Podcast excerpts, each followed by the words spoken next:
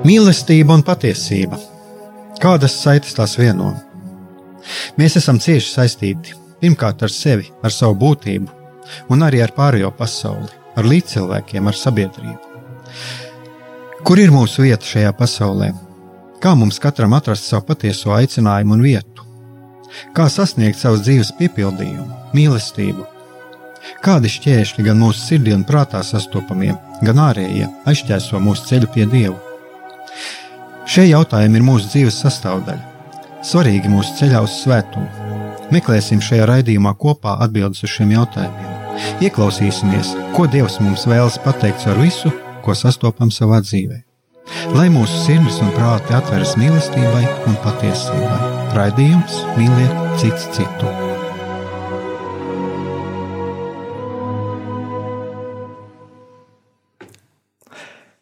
Slavēts Jēzus Kristus!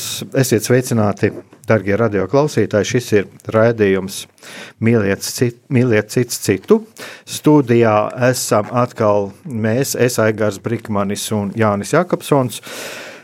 Un šajā raidījumā mēs jau, kā esam solījuši, turpināsim sarunu, ko mēs sākām par vienu grāmatu, Tātad Pols Leboetija Hilesuma kāds garīgais ceļš, Amsterdama, Aušvica 1941, 1943. Ja jums uh, ir interese, es ceru, ka jūs arī variet atrast arhīvā mūsu jau ierakstu par ierakstu no mūsu iepriekšējiem raidījumiem. Tātad tas ir stāsts par vienu jaunu ebreju sievieti, par viņas garīgo ceļu, par kur eh, viens jēzītu priesteris Pols Lebo ir apkopojis viņas rakstīto dienas grāmatu. Un eh, Šodien es gribētu turpināt jau mazliet pieskar, mēs jau mm, šķiet jau mazliet pieskārāmies pieskārāmies arī eh, Etijas Hillesumas. Cik atceros, mēs runājam laikam par ģimenes dzīvi kaut ko. Jā, kā viņa bija audzināta. Jā, un es tomēr vēl, vēl mazliet arī gribētu pie tā pieskarties. Un tad tālāk, kā, kā patiesībā sākās viņas garīgais ceļš, un īsti, ja mēs varam runāt, tad šis garīgais ceļš mm, sākās 2009. Nu, tādu apzinātu garīgo ceļu mēs kaut ko piefiksētu. Mēs varam runāt, runāt par 1941. gadu. Bet uh, raksturojot par ģimeni tā tad, vecāki. Vecāki ir viņas māte dzimusi Krievijā 1881. gadā, 1907. gadā pēc grautiņiem pārcēlusies uz Holandi, tika raksturota kā ne, neaprēķināma, ekstraverta un autoritāra sieviete. Un kā rakstā arī pats Pols Lebo, eh, Mātes attiecības ar meitu etiju bieži bija sarežģītas un saspringtas. Tanī pašā laikā tēvs tika raksturots kā baza auguma, diskrēts un nerunīgs, nosvērts, erudīts ar noslieci uz stoicismu. Nu šķiet, tur arī mēs varam redzēt jau divi dažādi cilvēki. Viņš ir dzimis, tā šķiet, bija dzimis tūkstoši jā, 1880. gadā Amsterdamā. Uh, iegūs doktora grādu Amsterdamas Universitātē 1908. gadā, un tāda no 1928. gada ir Denveteras gimnāzijas rektors. Divi brāļi, viens, viens ir tāda arī tāda interesanta, es domāju, mēs arī pie tā atgriezīsimies. Uh, viens ir ar eh, Miša Mihails, kurš ir, bija ļoti jaunākais brālis, kurš bija ļoti talantīgs mūziķis, un uh, viens te šeit ir minēts Vilhelms Mengelbergs, tas ir Amsterdamas, viens no Amsterdamas diriģentiem, minēts kā toreiz slavens Vilhelms Mengelbergs 1943. gadā centās pārliecināt vācu varas iestādes, lai lūk šis Miša sava talanta dēļ tiktu atbrīvots no ieslodzījuma tajā Vesterbrokas, Vesterborkas nometnē, bet viņš pats atteicās. Eh, te ir rakstīts, tā Miša uzstāja, lai šo atbrīvošanu saņemtu arī viņa vecāki. Un uh, vecākais brālis Jāps uh, Pabeidzis vidusskolu Denveteras gimnājā 1933. gadā iestājās Amsterdamas un vēlāk Laides medicīnas fakultātē. Tiek raksturots kā ļoti inteliģents, jauns cilvēks, reizēm rakstījis dzēju, bet kā raksta priesteris Pols Lebo attiecībā pret savu māsu, kuras garīgā izaugsme Jāpam nepalika nepamanīta, viņš izrādīja augstprātību un neiecietību. Tā, tā ļoti interesanti. Ja? Un kā pati arī Etija Hilesuma rakstījusi, un viņš arī gājis bojā 1945. gadā. Tātad 44. gadā izsūtīts uz Bergenu-Belsenu, 45. gadā piespiedu nometnes evakuācijas laikā gājis bojā. Eh, lūk, tā, nu, šeit mēs redzam tādu diezgan uh, teiksim, komplicētu situāciju, ja mēs raksturojam, kā ir augusi pati Etija Hilesuma. Un, uh, nu, lūk, tā, tas ir apmēram tā, tāds īss, pavisam īss ieskats, kādā veidā viņa, kā viņa izauga kādos, kādā ģimenē. Mm -hmm. Jā, mm, nu, tāds, eh, manuprāt, eh, biežs scenārijs, kā, kā mēs uzaugam, eh, kur mums ir brāļi un māsas apkārt, mēs piedzimstam daudz bērnu ģimenēs, un mēs katrs esam dažādi, atšķirīgi, vienam noslēdz un talanti uz vienu, otram uz otru, un arī tas, kad brālim ar māsu tur ir tāds, tā kā konflikta attiecības, tas arī ir mm, bieži vien klātesoši starp tuviem cilvēkiem. Bet, nu, kā mēs arī redzam, visi šie tādi ģimenes aspekti, ģimenes faktori, tās vides, kur cilvēks uzauga, nav par šķērsli tam, lai cilvēks vēlāk attīstītu savu garīgo potenciālu. Jā, nu, lūk, šeit, šeit es arī tā es eh, mīnu par to, ka šis garīgais ceļš, nu, būtībā tas ir, pief, kas, ir pie, ko, kas ir piefiksēts dienas grāmatā, tas ir tas, tas 1941. gads, bet šeit ir runa, ka arī tas brālis jau redzēja nu, par šo viņas garīgiem meklējumiem. Mm, neatceros, vai es iepriekšējā raidījumā, minē, raidījumā minēju, viņa eh, pati ietīja Hilesuma studēja tiesību zinātnes, bet viņa interesējās par valodām, viņa interesējās par filozofiju, un kad patiesībā tajās viņas piezīmēs arī parādījās tas dziļums, cik, eh, jā, tas dziļums, kurā viņa centās iet. Mm -hmm. Jā. Eh, vēl viena tāda raksturīga īpašība arī Ko, to, to gan šķiet, es atcerēju, atceros, ka mēs runājām arī par eh, Etijas Hilsumas tam fizisko nelabumu, ko viņa savās dienas grāmatā ir pieminējusi, un ka viņa uh, atzīst to, ka kaut kas nav kārtībā psiholoģiskā vai garīgā zim, ziņā, un tas ietekmē arī ķermeni. Mm -hmm. Un kā viņa pati raksta, tāpēc man ārkārtīgi svarīga ir uh, garīgā higiēna. Jā.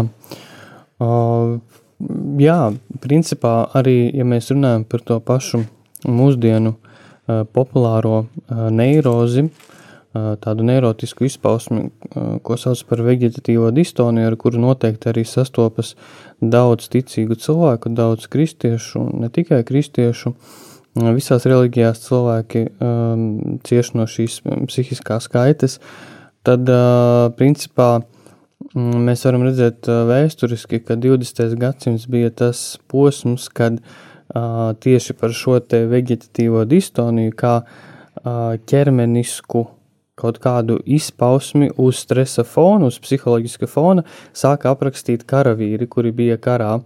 Viņa aprakstīja to, ka esot šajos ierakumos, esot saspringtās situācijās, viņu stresa līmenis bija tik liels, ka viņu šis stress tātad pārvērtās par kaut kādu ķermenisku simptomu. Un acīm redzot, arī Etija min savā dienas grāmatā to, kad viņa saprata un noprata, ka viņas kaut kādas ķermeniskās sāpes, kaut, kādas, kaut kādi simptomi, tas ir rezultāts tam, kāds ir viņas psiholoģisks un garīgs stāvoklis. Nu, jā, te, es domāju, ka šeit var arī mm, runāt par to. Nu, viens ir tas, ko, ko, ko runājām par šo, ko es runāju par, par šo ģimeni.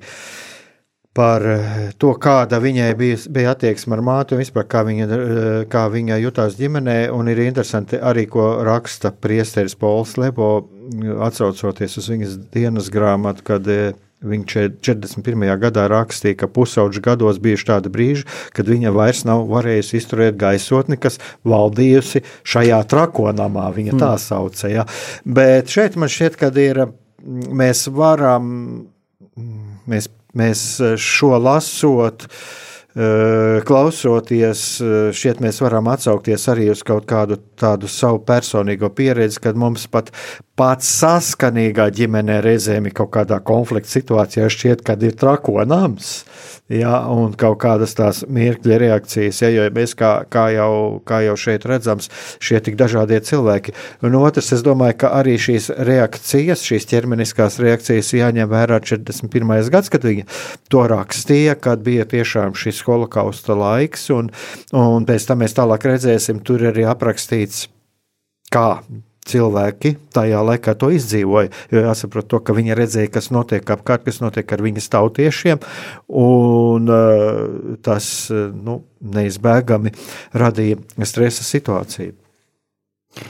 Um, jā, varbūt tagad mēs varam doties arī kādā muzikālā jā, pauzē. Tāda doma arī ir.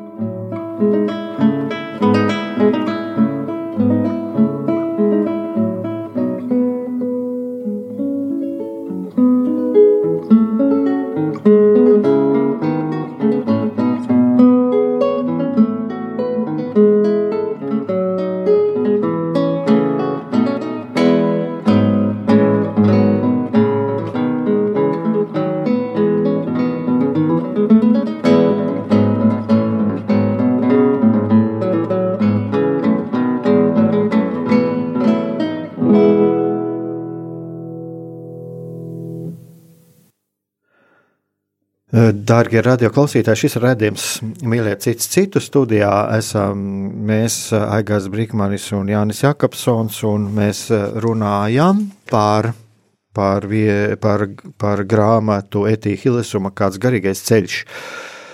Un tagad turpinājumā es vēlētos pieskarties jau nākamajai lietai, nākamajam jautājumam, eh, kas ir eh, etijas eh, hilesumas, mm, šīs, teiksim, tādas cīņas ar savām mm, iekšējām ziņām. Un es te tādu arī paņemšu vienu mm, citātu, ko raksta priesteris Pols Lebo, ka Un, jā, un viņš arī raksta tā, ka bez jau nosauktajiem konfliktiem ģimenē Etijai bija vēl kāda problēma attiecību jomā. Viņas seksuālā un jūtu dzīve, kas jau sākot ar pēdējiem pusaudzes gadiem, mulsināja viņas aprindu jauniešus, lai arī viņi nemaz nebija stingrības piekritēji šajā jomā. Un uh, ir interesanti vēl tas, ko arī pats priesteris ir tādu iz, ir, uh, pievienojis eh, savā grāmatā tādu pašu etijas Hilesumas tādu citātu, ka ir visai grūti dzīvot labās attiecībās ar Dievu un savu pavēderi. Tas ir viņas 1941. gada 4. augusta ieraksts. Un kā pats Pols Lebo raksta, viņai nebūs viegli atbrīvoties no šo kaislīgo un tik īslaicīgo sakaru atstātajiem stigmatiem miesā un atmiņās. Jā, tas ir tā arī, es domāju, ļoti būtiski. Un, un kāpēc man arī tieši šis uzrunāja? Jo nu, šī seksuālā joma, es domāju, ka to mēs sevišķi tagad ļoti bieži redzam. Viņa tiek pacelta, pacelta tādā ļoti uzkrītošā līmenī, ir pat tāds viedoklis, erotizētā sabiedrība un vairāk vai mazāk nu, šo, šodien mūsu dienās tas eh, man šķiet pat ir daudz vairāk, pateicoties internetam un, un visām šīm, šīm iespējām, kas visām tiem mēdījiem, kas mums ir apkārt. Bet eh, kāpēc man tas ir ļoti būtiski? Man šķiet, ka šeit ētijas hilesumas pieredzi ir uh, svarīgi mm, iepazīt uh, ļoti daudziem cilvēkiem, jo kaut kur šis, uh, šī lieta, tā kā tu teici par par to veģetatīvo distoniju, kur, kurai pievērsās 20. gadsimtā, e, tad es domāju, ka arī pārējās cilvēka dzīve, dzīves jomas un kas skar arī cilvēka seksualitāti, nu, nebūtu jau nav tā, ka tā problēma, ko mēs piedzīvojam tagad 21. gadsimtā, ka viņas nebija e, agrākajos gadsimtos, tikai 20. gadsimts, nu, sāksim, teiksim, jau 19. 20. Jā. gadsimts bija tas, par ko sāka runāt, Un uh, arī šajā seksuālajā jomā es domāju, ka arī jau klausītāji, kas tagad klausās, un uh, gan tie, kas ir kristieši, gan tie, kas nav kristieši, vairāk vai mazāk arī ar šādām lietām saskarās ļoti daudz cilvēki. Un, un uh, tieši tāpēc man uh, šis, šī lieta arī šķiet tāda ļoti svarīga. Kāpēc? Tāpēc, ka es jau kādreiz šeit esmu teicis, ja šis ceļš uz svētumu, viņš neiet uh, līdzeni. Jā, un ceļš uz svētumu bieži vien ir caur paklupieniem, caur kļūdām, caur eh, kritieniem, piecelšanos, caur kārdinājumiem, caur jaunām atziņām un arī galu galā caur atteikšanos. Un kā arī raksta priesteris Pols Lebo, ja, kad viņš raksta par šiem sakaru atstātiem stigmatiem iesa un atmiņās, tad priesteris Pols Lebo arī uzsver, tomēr turpmāk etija lūkojas uz citu horizontu. Mm -hmm. Jā, tā tad viņš jau e, to, to uztver, uzsver. Bet kas ir, e, manuprāt, arī ļoti būtiski šeit, ka viņa pati atzīst, viņa pati atzīst, un viņa pati raksta savā dienas grāmatā, ka ir visai grūti sadzīvot savu labās attiecībās ar Dievu un savu pavēderi. Ja? Tā kā šeit ir arī tas, kas e, šeit reiz pareizi ir izskanējis, un ko arī psiholoģijā runā, kad ir ļoti svarīgi ir atzīt šīs lietas. Mm -hmm. Jā. Jā, ja mēs runājam par seksualitāti, tad, protams, tas ir, tā ir ļoti spēcīga dziņa, un mēs katrs, mēs ar tevi arī šeit studijā, tu, Aigar un es, katrs no mums cilvēkiem, mēs esam seksuālas būtnes. Dievs cilvēku ir radījis kā seksuālu būtni, tas nozīmē, ka cilvēkam ir seksuālā dziņa. Un kā mēs jau visi, protams, zinām, seksuālā ziņa ir tā, kas uh, nodrošina pasaulē pēcnācējus. Ja? Un arī nevelti zinātniski ir pētīts un pierādīts, ka seksuālā ziņa kā tāda, ka tā principā ir uh, viena no, ja ne pati spēcīgākā ziņa, kāda vien ir uh, cilvēkā. Un, uh, protams, tad, kad mēs uh, kļūstam religiozi, ticīgi cilvēki, vai arī ja mēs esam uzauguši ticīgā ģimenē, tad uh, mums ir ļoti svarīgs šis morāliskais kritērijs un uz to, ka mēs skatāmies uz pasauli un uz kaut kādām lietām ar mūsu vērtību prizmu. Un uh, nereti mēs arī redzam to, ka seksualitāte, kura tiek izmantota nepareizi, viņa var atstāt uh, graujošas sekas. Ja? Uh, un tāpēc man liekas, ka mēs, kā ticīgie, nereti vien, uh, kad iet runa par seksualitāti, mēs izvēlamies tādu aizsardzības un bēgšanas pozīciju, kad labāk par šo visu nerunāt, jo mums uzreiz rodas asociācija, ka šī, šī pati par sevi seksualitāte viņa ir nodarījusi pagātnē daudz nepatikšanas cilvēkiem un tagadnē. Un, respektīvi, tas ir kaut kas, ko ir jāuz, jāuzlūko ar tādu piesardzību. Ja?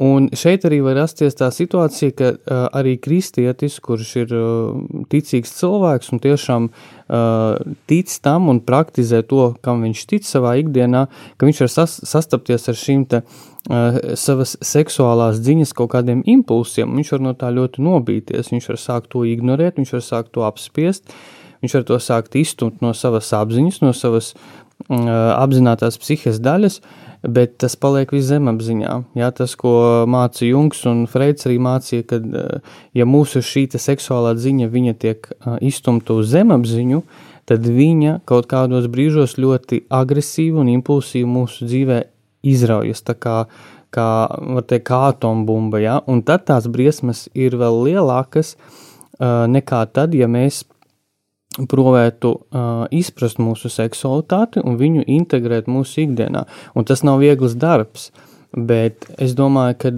um, nu, pilnīgi iespējams mums, um, ticīgiem cilvēkiem, ir um, jāpaskatās uz šo te seksualitāti uh, ar tādu varbūt drusku uh, jaunāku skatījumu, nevis uh, uzlūkot viņu kā ienaidnieku, bet kā uh, daļu no mūsu dabas un kā seksualitāti ir vērts iepazīt un atrast gan kopā ar Dievu, gan kopā ar kādu garīgu savu pavadītāju vai psihologu, kā es kā kristietis varu veselīgi izdzīvot savu seksualitāti, lai viņa nenodara pāri man, maniem apkārtējiem cilvēkiem, un lai ar viņu es varu pagodināt arī Dievu.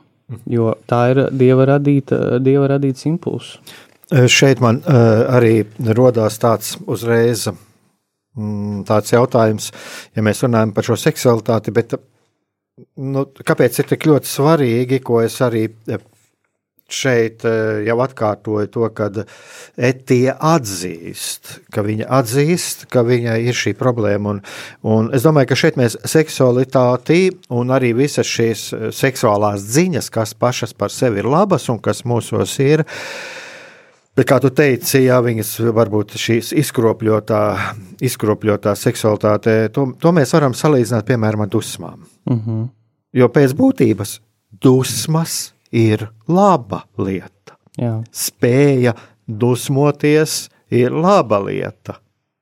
Un es pat uh, vēlos te pateikt paldies par vienu, uh, par diviem video, ko tu man atsūtīji. Tāda tā Marina Filoņuka, kas ir Jā pareiztic, pie pareizticīgiem patīkami pārsteigts bija, Jā. bet man viņa šķita, patiesībā man viņa šķiet ļoti katoliski un kaut kur es arī tādu ignāciskumu viņā saskatu. Jā, ja. viņa ir eh, pareizticīgo psihoterapeite. Jā, jā pareizticīgo psihoterapeite un es esmu jau noklausījies jau vairākas viņas lekcijas un jau aizsūtījis dažiem, ja, kur viņa arī par to runāja, kad, kad jā, tās pašas dusmas, Jā, bet ir, e, nu, ja es sevi šīs dusmas neatzīšu, ja es viņus sevī centīšos apspiest, tad agri vai vēlu tas izpaudīsies, un tas izpausties destruktīvi gan caur to, kā mans ķermenis uz to reaģēja, mm -hmm. gan arī uz attieksmi. Un es domāju, ka šeit ir arī to pašu, to pašu mēs varam arī atzīt, attiekties, e, attie,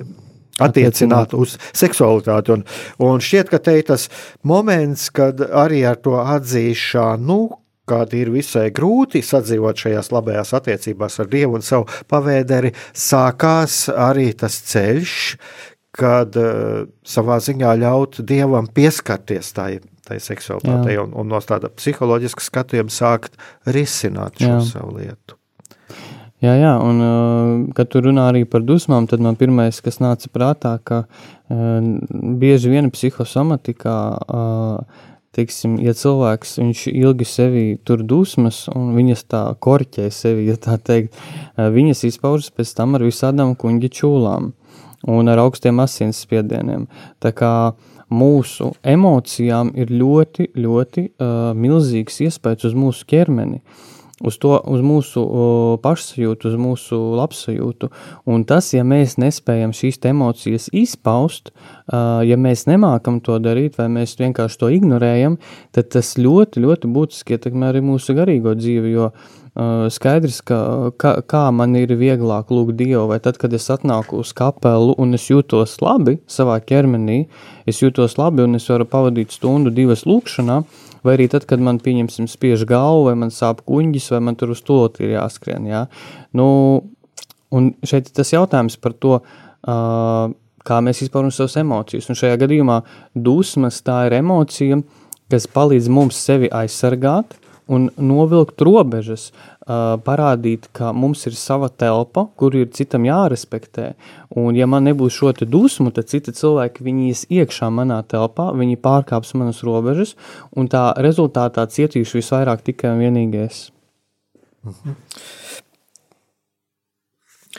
Jā, nu, Šeit es domāju, ka arī ir tas, ko tu runā, ir ļoti svarīgi tieši arī ko mēs jau reiz vien esam, reiz vien esam runājuši, kad arī ļoti svarīgi, jā, lai baznīca, kristieši, baznīca arī lūk, ņemtu vērā šīs lietas un tiešām sadarbotos ar, ar psihologiem. Lūk, vēl viens tāds raksturojums, jā, es nezinu, es esmu to pieminējis arī, kur Etija Hilesuma dzīvoja kopā, nu, būtībā viņi pārcēlās dzīvot uz vienu māju, Amsterdamā pārcēlās dzīvot uz tādu Gabriela Metsu ielas sesto, sesto namu. Nē, esmu tur bijis, nezinu, jā, bet viņa pārcēlās dzīvot pie tāda pensionēta grāmatvēža Hendriks Johannes eh, Vegerifs, pensionāts grāmatvedis un atraides kopš 36. gada, un kur arī viņi stājās viņa attiecībās, attiec, intīmās attiecībās, nodzīvoja vairāk eh, nekā piecus gadus ar viņu, Un uh, viņš bija šķiet 27 gadus vecāks par viņu. Jā. Mm -hmm. Vai es, varbūt es kļūdu. Jā, nu, katrā ziņā ļoti vecāks. Viņam jā. jau bija divi dēli. Jā. Arī tāda ļoti, ļoti zīmīga lieta, ja, kas arī par kaut ko. Un, eh, kā, Man tas uzreiz par kaut ko liecina. Jā, un eh, kā tur rakstīts, nekavējoties. Jā, jā nekavējoties stājās šajās attiecībās. Jā. Nu, kaut kādu tēva figūru viņi ieraudzīja tajā vīrietī noteikti. Ja viņš bija vecāks par viņu krietni un uh, ja viņai nebija arī drošas attiecības ar savu miesīgo tēti, tad nu, tas var liecināt par to, ka uh, šī sieviete ieraudzīja, etī, ieraudzīja šajā vīrietī kaut kādu tēvišķo figūru, un tas bija tas, kas viņu ļoti pievilka pie tā vīrieša. Jā, tieši, tieši tas arī tāpēc es grib, gribēju mazliet, ja, ko tu par to pateiksi, ja, jo, jo tad es mazliet arī tā atgriežoties atpakaļ, ko mēs runājam par šo ģimeni un tā tālāk, un, un kaut kā, e, vismaz man tā šķiet, ka arī šeit te ir atkal ļoti svarīgi paklausīties bērni, vecākiem, kuriem tagad aug bērni, ja kad e, tieši Mm,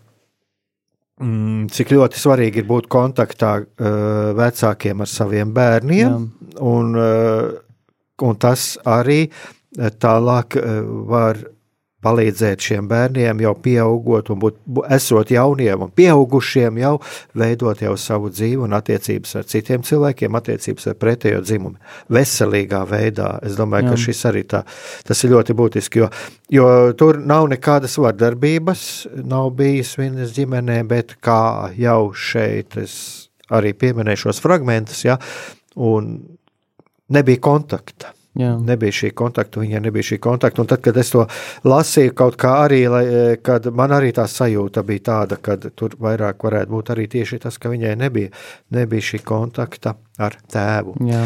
Domāju, tagad mēs varam atkal vienu muzikālu mm -hmm. pauzi.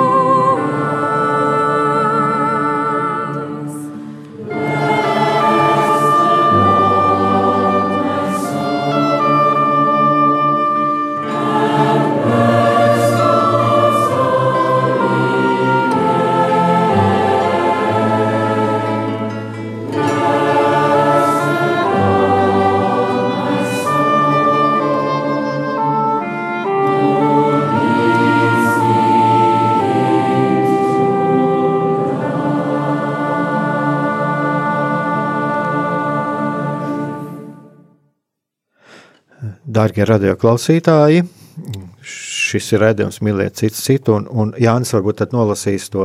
Jā, es nolasīšu mūsu klausītājiem uh, numurus, kur jūs varat atsūtīt jūsu SMS, jums ir kāds jautājums. Mums vēl ir uh, nu, apmēram 15 minūtes, un uh, mēs varbūt paspēsim atbildēt uz kādu jūsu jautājumu, kas skar gan uh, garīgo, gan uh, psiholoģijas jomu.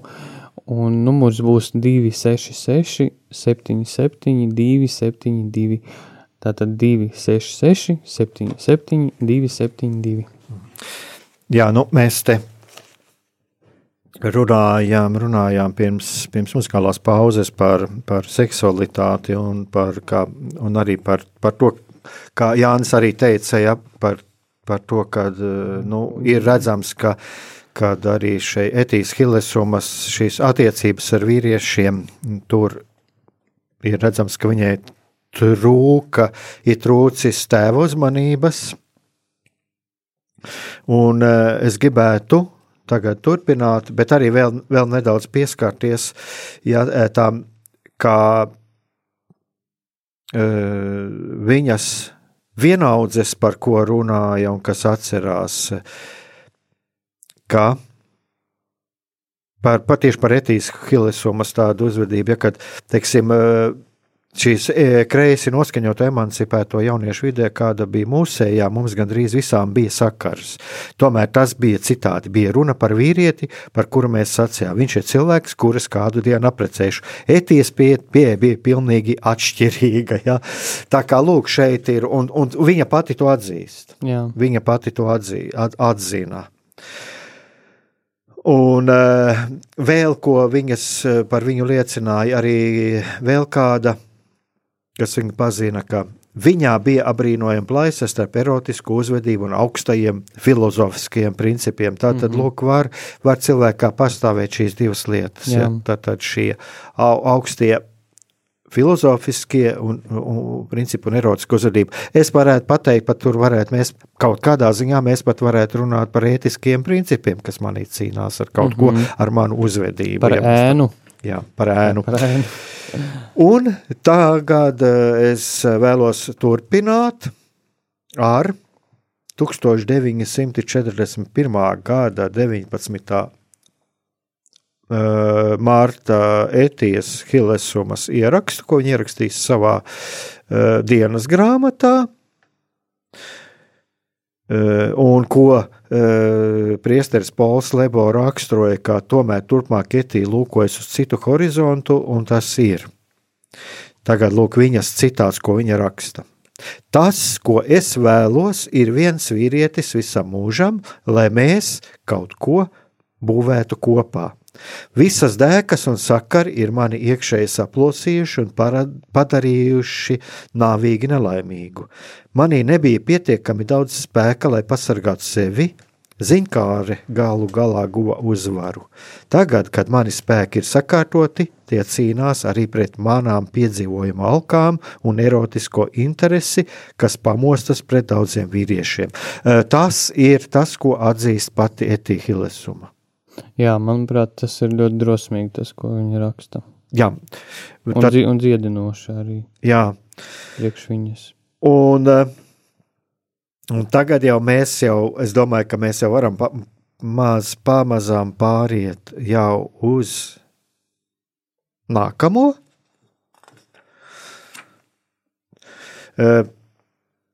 Tas ir uz viņas satikšanos, kā raksta Pols Lebo ar kādu cilvēku, kas ir ļoti nozīmīgs, kas bija ļoti nozīmīgs etiskās ilūzijas dzīvē. Un tas bija ebreju izcelsmes vācu psihologs, 27 gadus.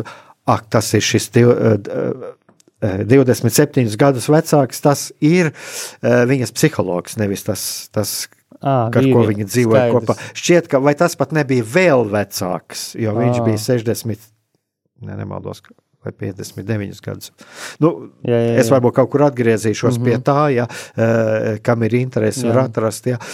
27 gadus vecāks par viņu, kurš etie būs kas daudz vairāk par terapeitu. Viņš būs skolotājs, kas liks, liks atklāt pašai sevi un savu sarežģītu divdomīgu situāciju apgrūtināt mm -hmm. attiecību likločiem, vadīs līdz cilvēciska un garīga piepildījuma slieksnim, kur viņa beidzot atradīs pilnīgo patiesību par savu aicinājumu uz mīlestību.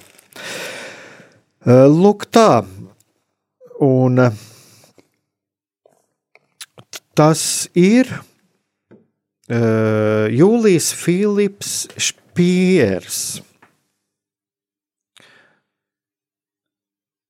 Lūijs, Lūijs uh, Filips Špiers. Lūk, tas ir tas viņas psihologs, Un, uh, kā raksta arī Pols Lebo 1941. gada 8. marta sestdienā Etija savā uh, savā straujajā, bieži grūti sarakstāmajā rokrakstā sāka rakstīt dienas grāmatu. Tātad, lūk, šeit sākās tā viņas tikšanās ar šo, šo viņas, eh, viņas psihologu. Un eh, mēs runājām par Jungu. Tad Špīrs eh, ir viens no Junga skolniekiem. Jā, par viņu arī raksta, ja, kad viņš ir pārcēlies. Viņš ir sapņojis kļūt par dziedātāju. Jā. Tad pārcēlās uz Cīrihu, lai tur nodotos analīzē un pievienotos Karlam Gustavam Jungam. Tas jā. ir tas, ko Pols Lebo raksta. Jā, viņš bija psihoanalītiķis. Jā. Mhm. Un, un, un, un, jā, arī bijis ir ir bijis savu laiku precējies, tad viņam viena sieviete, ka, ar kuru viņš cerēja satikties, dzīvoja Lielbritānijā, bet šajos sarežģītajos apstākļos viņš eh, netika tur. Eh, viņam šķiet, bija arī. Jā, Viņam, viņš aizbrauca no Berlīnas, tad, kad nacisti nāca pie varas un, un, un, un palika uh, ja nemaldos, viņam sieva un viens bērns palika, palika Berlīnē. Bet, bet mm -hmm. sieva nebija ebrejiete. Ja. Un uh, viņš pārcēlās tātad, tātad uh, aizbrauca no, aizbrauca no Vācijas un, un, un dzīvoja tātad eh, Nīderlandē, bet viņš eh, arī ir uzstājies Šveicē, Vācijā, Nīderlandē, daudz kur viņš ir aicināts arī uzstāties konferencēs, un eh, jā, iemaksājis prāvu naudas summu Vācijas varas iestādēm un dabūjis atļauju emigrēt uz Nīderlandi. Mm -hmm. Tad viņš iekārtojas Amsterdamā, kur jau dzīvo viņa māsa. Lūk, tā, un tur viņš uzņem, pieņem pacientus un lasa regulāras lekcijas. Ah, hiromantija. Viņš vēl ar hiromantiju. Es nezinu, kā tagad par to hiromantiju runē, bet viņš arī kā no rok rokām noteicis, ir varējis noteikt par slimībām. Jā. Mm -hmm. Un arī par to viņš ir lasījis. Lasījis lekcijas. Viņš ir interesanti raksturots, bet eh, man tas, man tas nebūtu nebrī, neizbrīna. Kāpēc es arī varu pateikt? Es domāju, ka Es nezinu, kā tu. Es domāju, ka tu varētu arī kaut ko pateikt par šīm lietām, kurš ir aktīvāks, teiksim, psihoterapeita apmeklētāji pēc dzimuma. Ja? E, man liekas, tad nekas daudz e, neatšķirās arī no, no tā laika. Jā, pārsvarā tas ir sievietes. Jā, jā, un tas ir tāpat arī uz garīgo vadību. Jā. Ir pārsvarā e, sievietes, jā. Jo vīrietis, nu, vismaz tā es kāds kaut kāds piedzīvoju. Jā. jā, jo vīrietis ir pieredzējis būt stiprs, viņš nedrāk, nedrīkst raudāt, nedrīkst būt vājš, un tāpēc viņam šādu palīdzību jā, un to pašu, nevajag. Jā, un to pašu arī Marina Filoņuks, starp citu, arī tur vienā lekcijā par to teica, jā. Uh, un, un ko viņš pieņem, un ko raksta Pols Lebo, ka galvenokārt tās, ko viņš pieņem sev kā šos, šos apmeklētājus, ka galvenokārt tās ir sievietes, un tas dažiem liek uzskatīt špīreru par sieviešu mīluli. Mm -hmm. Ja? Un etī runās arī par kariem. Kariems gan ir pēdiņās, ja? un šis izteiciens sieviešu mīlulis ir veca un nolietota klišei, to raksta viņa. Ja? Jā.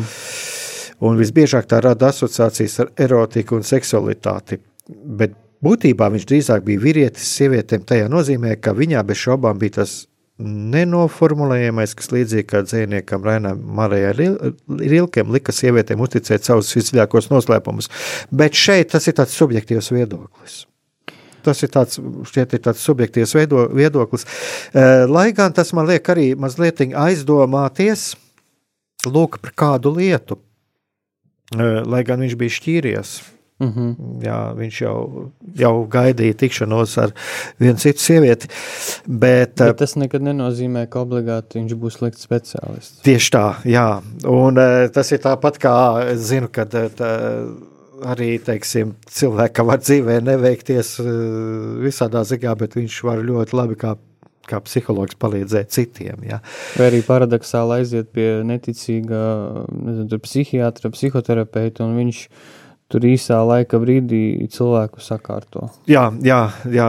un es, es kaut kur tā, tas varbūt kādreiz mēs arī varētu parunāt, arī kādreiz arī šī reliģiskā puse varbūt tā, kas traucē, es esmu pats saskāries ar to starp citu. Ja, ka, kas var, kas var traucēt. Jā, jā, jā, ne tikai atturēt, bet cilvēks var, nu, Jā, cilvēku var atturēt, mm -hmm, cilvēku mm -hmm. var atturēt gan no. Tāpēc es esmu tāds ļoti piesardzīgs pret eh, šo jēdzienu kristīgs psihologs. Jā, jā nu, man ir sava pieredze tur, jā, bet. Pareizi jau laikam ir, ka viņš ir vispirms psihologs ar kristīgu pārliecību. Jā, ar tā. kristīgu pārliecību, un man patika, kā vienā seminārā teica māsai Inese Lietuviete, kad viņa pat tā, kad viņa nodala, kad viņa kādreiz nodala, teiksim, kad cilvēks atnāk pie viņas kā pie psiholoģis, tad, saka, tad, nu, labi, bet tagad mēs uh, varbūt uh, uztaisīsim citu sarunu. Jā, jā. jo tas ir uzreiz cits jā, formāts. Jā, jā. Jā. Mm. Un es domāju, un, un te, šeit šajā ziņā es zinu, ka ir tāds kādreiz varbūt šis traucējums, jo es, es, mana pieredze ir tā, ka cilvēks kā psihologs, viņš sāk uh, likt iekšā kaut kādu kristīgo pārliecību un, un, un negatīvs rezultāts ir. Plus vēl uh, tā pārliecība nav arī īsti īsti, nu, vismaz kas neatbilst katoļu, māc, katoļu jā. baznīcas, bet nu, es tagad negribu kritizēt, jā. kā saka, jā. citus, jā, bet eh, tā ir viena tāda ļoti būtiska lieta, bet kāpēc es atgriežos pie tā, pie sievietēm, eh, ka es kaut kā saredzu to, ka viņš bija spējīgs uzklausīt. Mm -hmm. Un es domāju, ka tas viņa talants izpaudās tieši caur to, ja, kad tika lika sievietēm uzticēt savus visdziļākos noslēpumus. Eh, tā vis, vis, uh, lieta, kas ir ļoti svarīga, saskaroties ar, un ne tikai sievieti, saskaroties ar je, jebkuru cilvēku, kad uh, šis noslēpums pirmkārt paliek pie viņa. Jā. Un otrs, kad nav morāla vērtējuma. Jā. Cilvēks atnāk uh, dalīties ar savu noslēpumu, un tie netiek morāliski vērtēti, bet viņš tiek uzklausīts. Un, uh, kā arī ir mm, rakstījusi pati Etīna Hilesuma, pie šī ārsta sievietes dvēsele atrod patvērumu, Bet kā viņa pie, jo viņai ir tik daudz sievišķā. Ja? Mm -hmm. Bet tas šeit, es domāju, ka te ir ļoti svarīgi arī saprast to, ka es uzklausu sievieti jā, jā. respektējot viņas, viņas sievišķību un nu, to viņas būtību. Jā, um, jā, un man liekas arī, ka tieši šiem analītiskajiem eh, psihoterapeitiem viņiem ir ļoti raksturīgs tas, ka viņiem ir attīstīta šī spēja ļoti, ļoti uh, izveidot tādas drošas un uh, tādas cauredzamas attiecības ar klientiem, jo arī pats Junks, viņš uh, kad attīstīja savu virzienu, viņš ļoti balstījās uz tā, kad, kad viņš pieņem klientu un, un ka viņš ļauj viņam izteikt visu, un tur ir tāda spēcīga pieņemšana, un, un tas arī cilvēkam dod to drošību. Tā kā, jā, Un tas pati par sevi tā pieredze, kad mēs kādam varam atklāties un uzticēt kādu mūsu problēmu, uh, visdziļāk uh, apslēpt to, kas mūsos vien ir, viņi ir ļoti dziedinoši mums, jo ja mēs spējam uzticēties otram cilvēkam un izstāstīt viņam mūsu kādu noslēpumu, tad arī tas veido mums uzticību arī pašiem pret sevi. Un uh, tas arī dod drošību, ja mēs uzticamies sev. Jā, tagad es skatos, mums jau ir jā, jābeidz. Mūsu raidījuma laiks jau ir pietuvojies noslēgumam. Un eh, jāskatās tā, vai nav kaut kas, kaut kas mums pienācis no. Nav, nav nekādi jautājumi. Labi. Tādēļ es domāju, nākamais raidījums būs mums, ja mums eh, izdosies, un es ceru, ka mums izdosies, mēs parunāsim mazliet par citu tēmu. Par, Jā, vairāk par tādu uh, svētku, svētku noskaņā, un es domāju, mēs pieskarsimies gan ar identitātei, nacionālai identitātei, un, un es arī mazliet gribu parunāt par to, ko nozīmē būt karavīram un par karavīra tikumu, un, un kādi varbūt mums ir varbūt arī aizspriedumi eh, sagrozīti priekšstati, un kur mēs esam Jo ir, varbūt, varbūt mums tādi, jā, un, un, kas, un, un, un arī mēģināsim kopā padomāt, ko nozīmē būt karavīram, ko nozīmē cīnīties, būt cīnītājam, un es uzreiz jau tagad varu pateikt, mēs esam aicināti būt šie cīnītāji, un, un kā izdzīvoja to mūsu senči, un kā mums mūsu laikā to izdzīvot, bet par to es par to nākamajā raidījumā, kas tieši būs 11. novembrī, kas, es domāju, ir ļoti, ļoti nozīmīgi svētki, ļoti nozīmīga diena mūsu tautai. Jā, uz tikšanos tad nākamajā reizē. Nākamā, līdz nākamajai reizei. Svētīgi.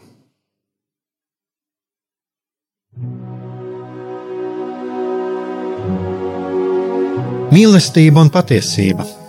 Kādas saites tās vieno?